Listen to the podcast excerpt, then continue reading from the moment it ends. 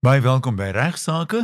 Die program word moontlik gemaak deur die Prokureursorde van Suid-Afrika en die man wat die regsvrae beantwoord is Ignas Kleinsmid van van Velden Duffy Prokureurs op Rustenburg. Môre Ignas.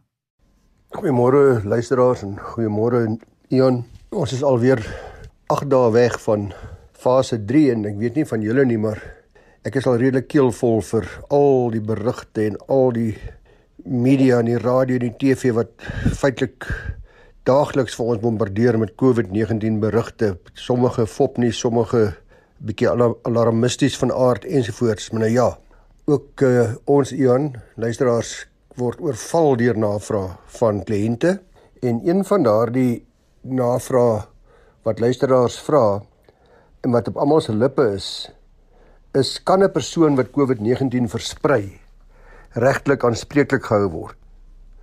Goeie vraag en ek het vir Elmarie Rigter, prokureur hier by ons met in Velden Duffy in Rustenburg gevra om 'n bietjie te kyk hierna en vir ons 'n antwoord te verskaf. Hierdie vraag sê sy kan uit twee oogpunte van die reg beantwoord word, naamlik uh, kan 'n persoon strafregtelik aanspreeklik word en of kan hy sivielregtelik aanspreeklik gehou word. Wanneer daar uit 'n strafregtelike oogpunt gekyk word, ontstaan die vraag of 'n persoon dan nou krimineel vervolg kan word vir die opsetlike of selfs nalatige verspreiding van COVID-19? Die antwoord hierop sê sy is ja. En soos verskeie luisteraars moontlik reeds in die media gelees het, kan 'n persoon wat opsetlik die virus versprei wel aangekla word vir poging tot moord. Eh, die vervolging van persone wat opsetlik wederregtelik dodelike virus versprei was reeds in 2005 al vasgestel as 'n kriminele misdrijf lank voor COVID-19 in die saak van Staat versus New Langu 2005 saak.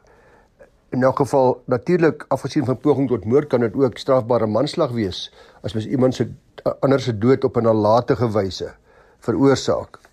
'n Volgende vraag wat dan ontstaan is wanneer versprei 'n persoon nou opsetlik of wederregtelik hierdie virus? 'n Goeie voorbeeld sal wees wanneer 'n persoon bewus is van die feit dat hy positief getoets het vir COVID-19 en bewus is van die gevolge en erns van hierdie virustoestand, hierdie siekte toestand, maar steeds weier om soos by die regulasies en ander voorskrifte vereis om self of haarself te kwarantyne en dan bewuslik en opsetlik in kontak kom met ander persone. In Suid-Afrika is daar reeds 'n persoon aangekla vir poging tot moord na hy positief getoets het vir die virus, geweier het om self kwarantyne te ondergaan of om daarin te plaas en gevolglik 27 ander mense aangesteek het. Ek vind dit tragies elke keer as ek sien dat mense wat positief getoets het, nie wil luister en hulle self wil in kwarantyne plaas nie. Maar daar is ook baie mense wat heftige kritiek lewer teenoor die strafregtelike vervolging van die verspreiders van hierdie COVID-19 virus, want sê hulle dit kan mense demotiveer om te gaan vir mediese toets. In ander woorde, ek sien nie kans om vir 14 dae of hoe lank ook nogal in kwarantyne te wees nie en daarom gaan ek myself liewers nie laat toets nie alhoewel ek al die simptome het en dalk sekerig voel en eintlik 'n geval is wat beslis getoets moet word om ten einde nie net die verspreiding te keer nie maar ook om ander mense te beskerm.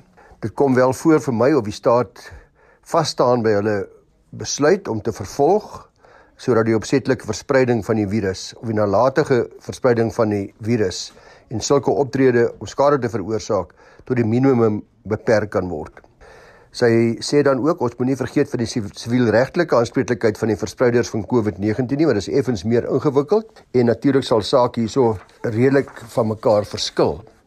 'n Verspreider van die virus kan wel deliktueel aanspreeklik gehou word indien sy of haar nalatige optrede die skakel is wat skade aan 'n ander persoon of besigheid veroorsaak het. Nou om suksesvol te wees met enige delik met 'n deliktuele eis, moet al die elemente van so 'n delik bewys kan word.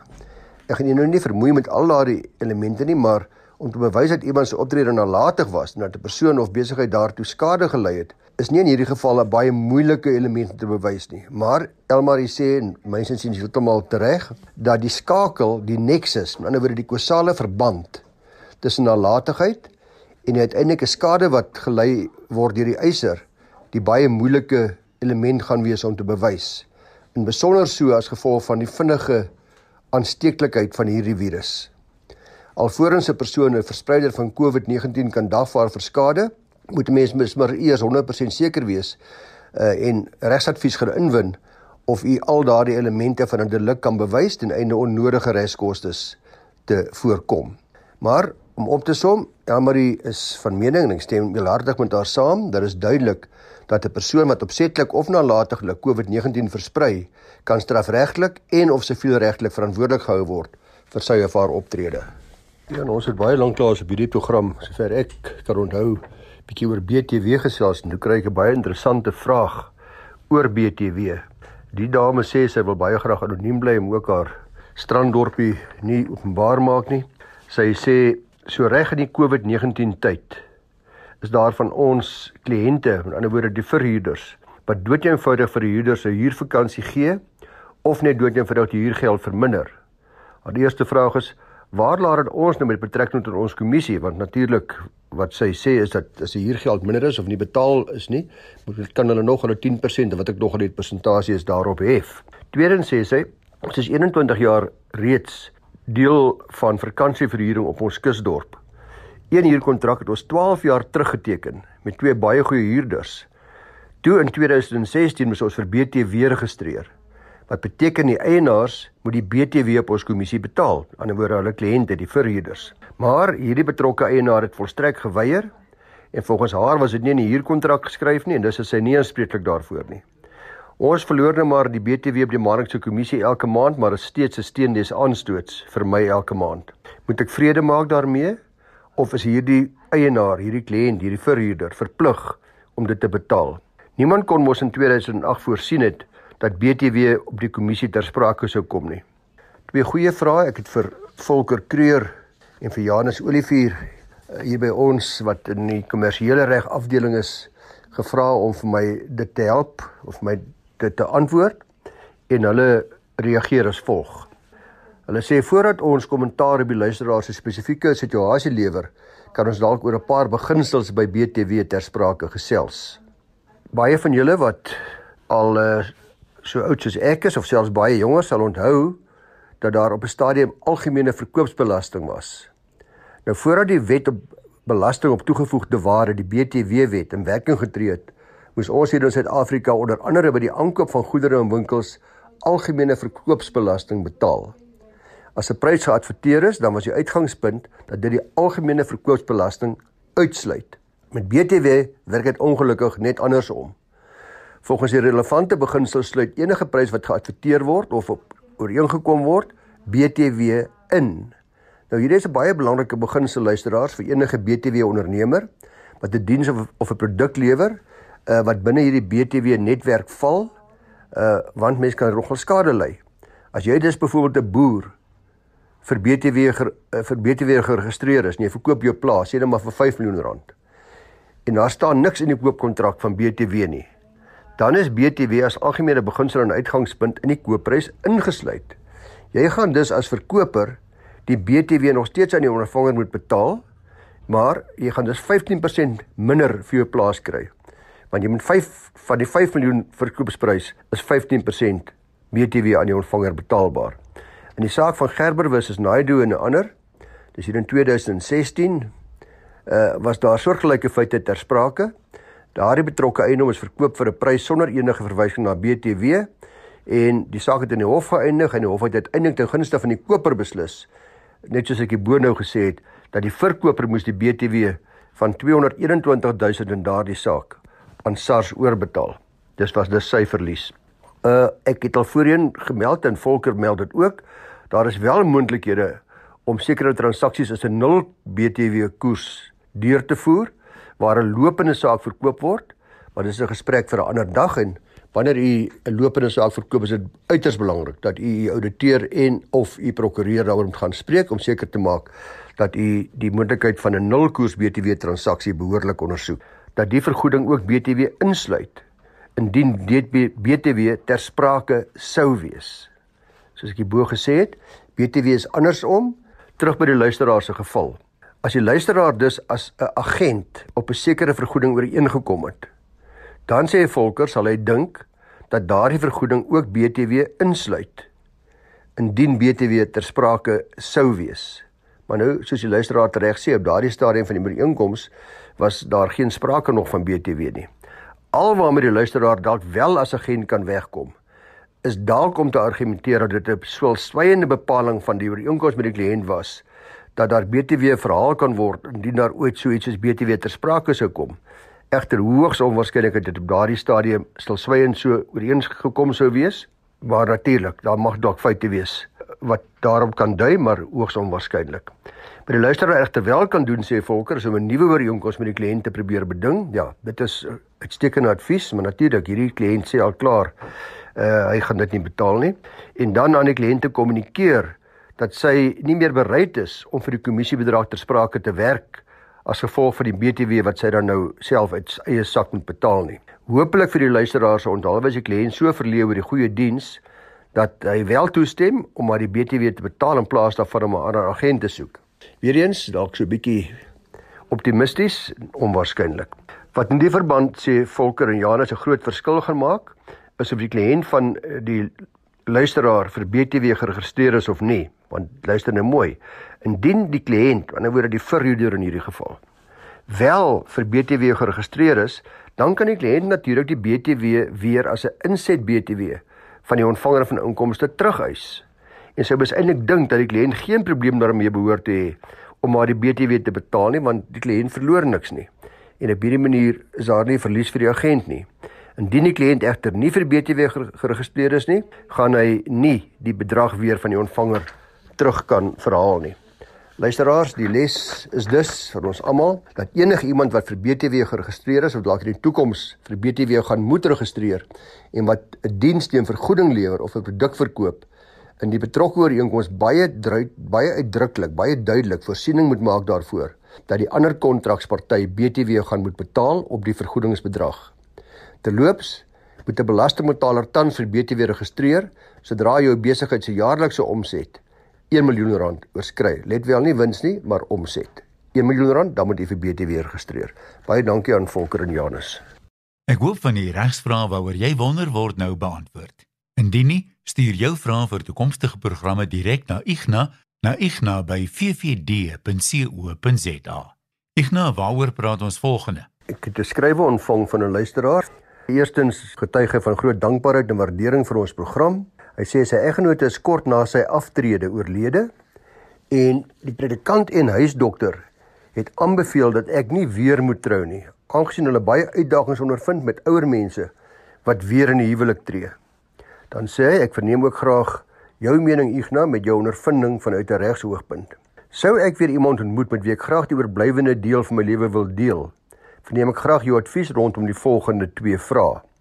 1 beveel jy 'n buitegemeenskap van goedere voorhuurse kontrak aan met uitsluiting van die aanwasbedeling of met insluiting. 2. Beveel jy aan dat ek my bates voor die tweede huwelik na 'n uh, familietrust toe oordra? Ek is bewus daarvan dat uit 'n belastingoogpunt dit moontlik nadelig gaan wees. Dan sê hy verder met oorweging van die twee vrae hierbo het ek 'n gedagte om te verhoed dat my bates na die familie van my tweede eggenoot sal vererf in geval sy voor my te sterwe sou kom of dalk selfs dat sy 'n deel daarvan kan kry met 'n moontlike egskeiding. En dan gaan ek moontlik nie genoeg geld oor hê vir my eie versorging tot my afsterwe nie. Hy sê ek het nie kinders van my eie nie. Eerstens ek stem glad nie saam met die predikant en die huisdokter wat sê dat hy mens nie 'n tweede huwelik moet aangaan nie natuurlik is 'n persoonlike saak vir elkeen van ons wat luister en en ook vir elke regsgeleerde wat advies gee en ook vir elke predikant of dokter. Maar uh dit klink vir my wie predikant hierso sê woon maar liewer saam in sonde. Is nogal vreemd. Ja, daar is uitdagings, geen twyfel nie met alle getroude pare se huwelike en beslis ook meer so soms met bejaardes se tweede huwelike. Maar baie belangrik. Die meeste probleme kan uitgeskakel word as daar die regte huweliksgoedere bedeling gekies word deur die uh, huwelikspartye. Dis presies waarop hierdie luisteraar se vraag neerkom. Wat sy eerste vraag betref, beveel ek 'n buitegemeenskap van goedere huwelik aan. Dan vra hy met insluiting of sonder insluiting van die aanwasbedeling. Die antwoord is baie duidelik ja. Ek beveel in 'n geval van 'n tweede huwelik normaalweg altyd aan uh, dat dit moet wees suiwer buitegemeenskap van goed sonder die aanwasbedeling. In die luisteraar se geval is hy reeds afgetree, hy's reeds dus redelik bejaard. Uh daar gaan in elk geval waarskynlik geen aanwas wees nie wat julle saam bewerkstellig het nie, met julle saam voorgewerk het nie. En as mens dus suiwer net buitegemeenskap van goed trou met uitsluiting van die aanwasbedeling, dan is wat joune is is joune en daar's geen aanspraak deur die ander huweliksparty nie. Net so kan jy natuurlik ook geen aanspraak maak op jou nuwe gade of eggenote se goedere nie. Wat billik is. Wat die tweede vraag betref, beveel jy aan dat ek my bates voor 'n tweede huwelik na die familietrust te oordra? Ek is bewus daarvan, dan sê daar was belastingnadele. My antwoord hierop is nee. Elke geval wanneer mense trust wil vestig of stig, moet mens maar na die omstandighede kyk en die redes daarvoor baie mooi ondersoek. In die geval van 'n afgetredene wat dit net wil doen om dalk moontlik 'n eis van sy nuwe eggenote te probeer vermy, is dit beslis nie koste-effektief nie en soos hy ook tereg sê, het dit ook belasting implikasies. Dis geen probleem om nou al al jou goedere of baie daarvan aan 'n familietras oor te dra nie, maar hoekom sê jy dit op hierdie stadium doen? Behalwe as jy nou al baie bekommerd daaroor is dat jou gade alles wat jy het uh by jou gaan op een of ander manier neem. Maar soos ek gesê het, alle bates bly joune. Uh as jou tweede huwelik lank en gelukkig is, sal jy self kan besluit of jy dalk 'n deel aan jou nuwe gade wil bemaak in jou testament.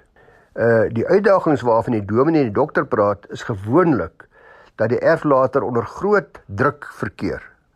Druk ervaar van die tweede vrou oor alles of baie bates wat sy graag wil hê aan haar bemaak moet word.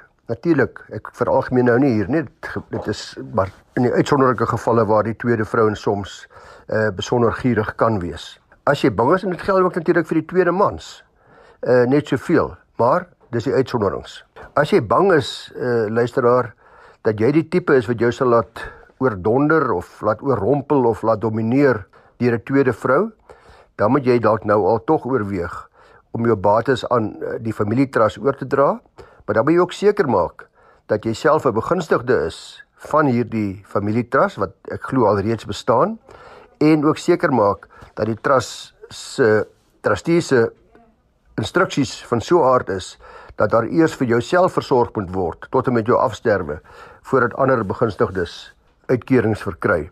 Dis baie belangrik om 'n goeie boedelspesialis te gaan spreek om seker te maak dat die trustakte beskerm jou. Dis net in die geval waar jy regtig bang is dat selfs al is jy getroud buite gemeenskap van goedere, jy nie die versoeking sal kan weerstaan om jou bates mettertyd oor te dra aan jou gade gedurende julle huwelik nie. As u buite gemeenskap van goedere getroud is, sy kom voor u te sterwe, dan is daar natuurlik geen probleem nie want daar is daar geen risiko wat u loop nie as u die eerste sterwende gaan wees in die testament lees reg ook geen risiko nie. Luisteraar, 'n vraag wat ons van tyd tot tyd kry wat ek lanklaas beantwoord het, is wie kies die persoon wat transport vir my vaste eiendom oordra, die akte besorger. En gereeld kry mense dat jou kliënt is die verkoper en dan kom jou kliënt eh, by jou en hy sê nee, die koper het aangedring daarop dat die koper se prokureur die oordrag moet bewerkstellig. Nou as 'n algemene reël kan ek vir u sê dat die standaard praktyk by ons firma, ek dink by alle firmas dat die akte besorger deur die verkoper aangewys word.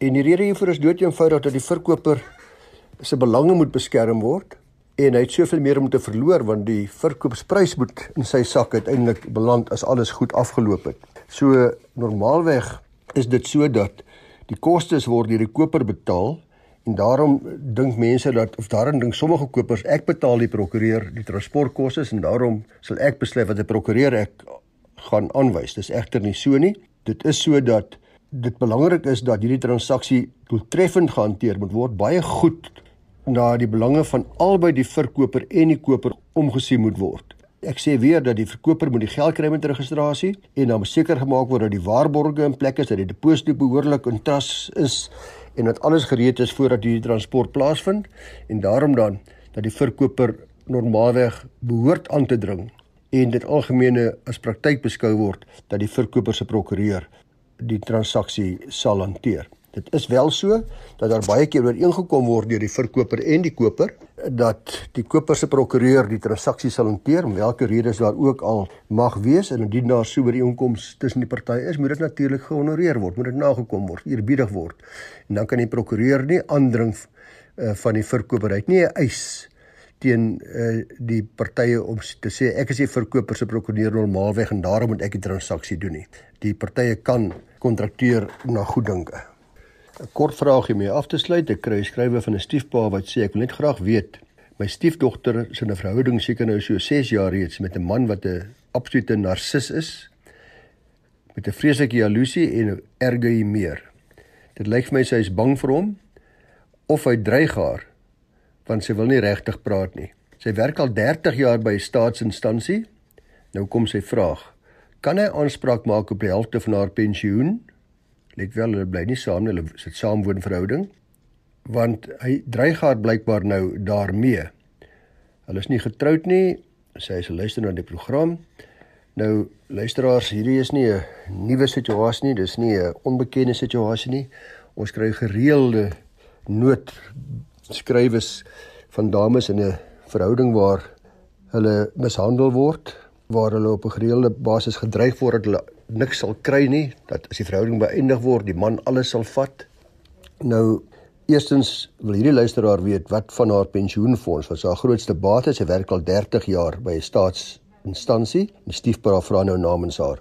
Let wel, by afsterwe, wat sal gebeur? 'n Pensioenfonds het 'n raad van trustees Terloops by beëindiging van die verhouding sal hy beslis geen eis hê op haar pensioen nie, so dis nie 'n probleem nie. Die vraag is nou wat gaan nou wel gebeur by afsterwe? Die raad van trustees van pensioenfondse het altyd 'n diskresie om te besluit wie presies die begunstigdes van hierdie pensioenfonds sal wees. Hulle laat hulle natuurlik lei eh, deur wie as begunstigdes genomineer is deur die pensioenfonds lid Die vraag is dus hier het die stiefdogter uh haar saamwoonmaat genomineer. Hoopelik nie. Indien sy hom wel genomineer het, moet sy hom dadelik verwyder. En nou is daar ook ander faktore wat die pensioenfondse trustees in aanmerking sal neem, soos byvoorbeeld wie inderdaad die afhanklikes was van die oorledene.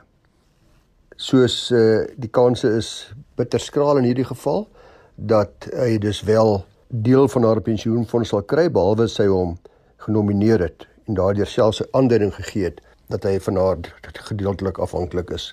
Uh by beëindiging van die saamwoonverhouding kan daar beslis groot probleme wees want soms kan 'n universele vennootskap deur 'n saamwoonmaat bewys word, saamwoonvernoot. En so universele vennootskap is gewoonlik 'n 50-50. Dit beteken dat Ons het alles saam gegooi, ons het alles saam bymekaar gemaak met die oog op 'n op moontlike voordeel vir ons albei.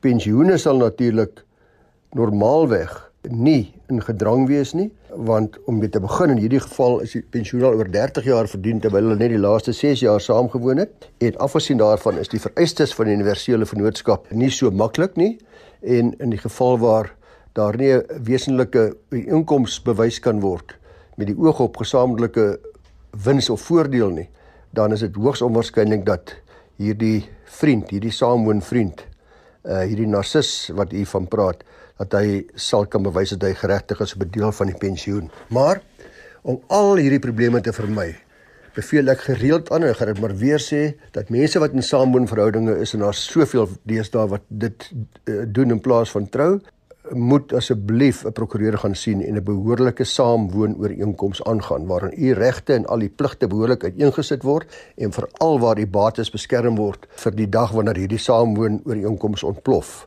Want 'n baie groot persentasie daarvan eindig in 'n ongelooflike onsmaaklike ontploffing en dan is daar nie die beskerming wat die gewone huweliksreg bied die huweliksgoedere reg binne gemeenskap, buite gemeenskap aanwas of wat ook nog al dit mag wees nie. Dan is dit 'n lang uitgerekte duur hofsaake wat vermy kan word deur na 'n prokureur toe gaan en vir 'n paar honderd rand 'n behoorlike saamwoonooreenkoms op te stel. Ek het ook al voorheen gesê, as u saamwoonmaat dit nie wil doen nie, dan moet u lontryk. Dan is daar 'n slang in die gras, soos hulle in Engels sê, uh the virgin looks pregnant. As iets verkeerd en ek sal van so 'n saamwoonmaat ontslawe raak want Dis net billik om van saamwoon in 'n saamwoonverhouding van albei partye te verwag dat hulle regte en hul verpligtinge behoorlik op papier uiteengesit word. Dis alwaar ons vandag gaan tyd hê in regsaake. Baie dankie dat jy geluister het en onthou elke regsaake program is ook as potgooi beskikbaar op RSG se webwerf.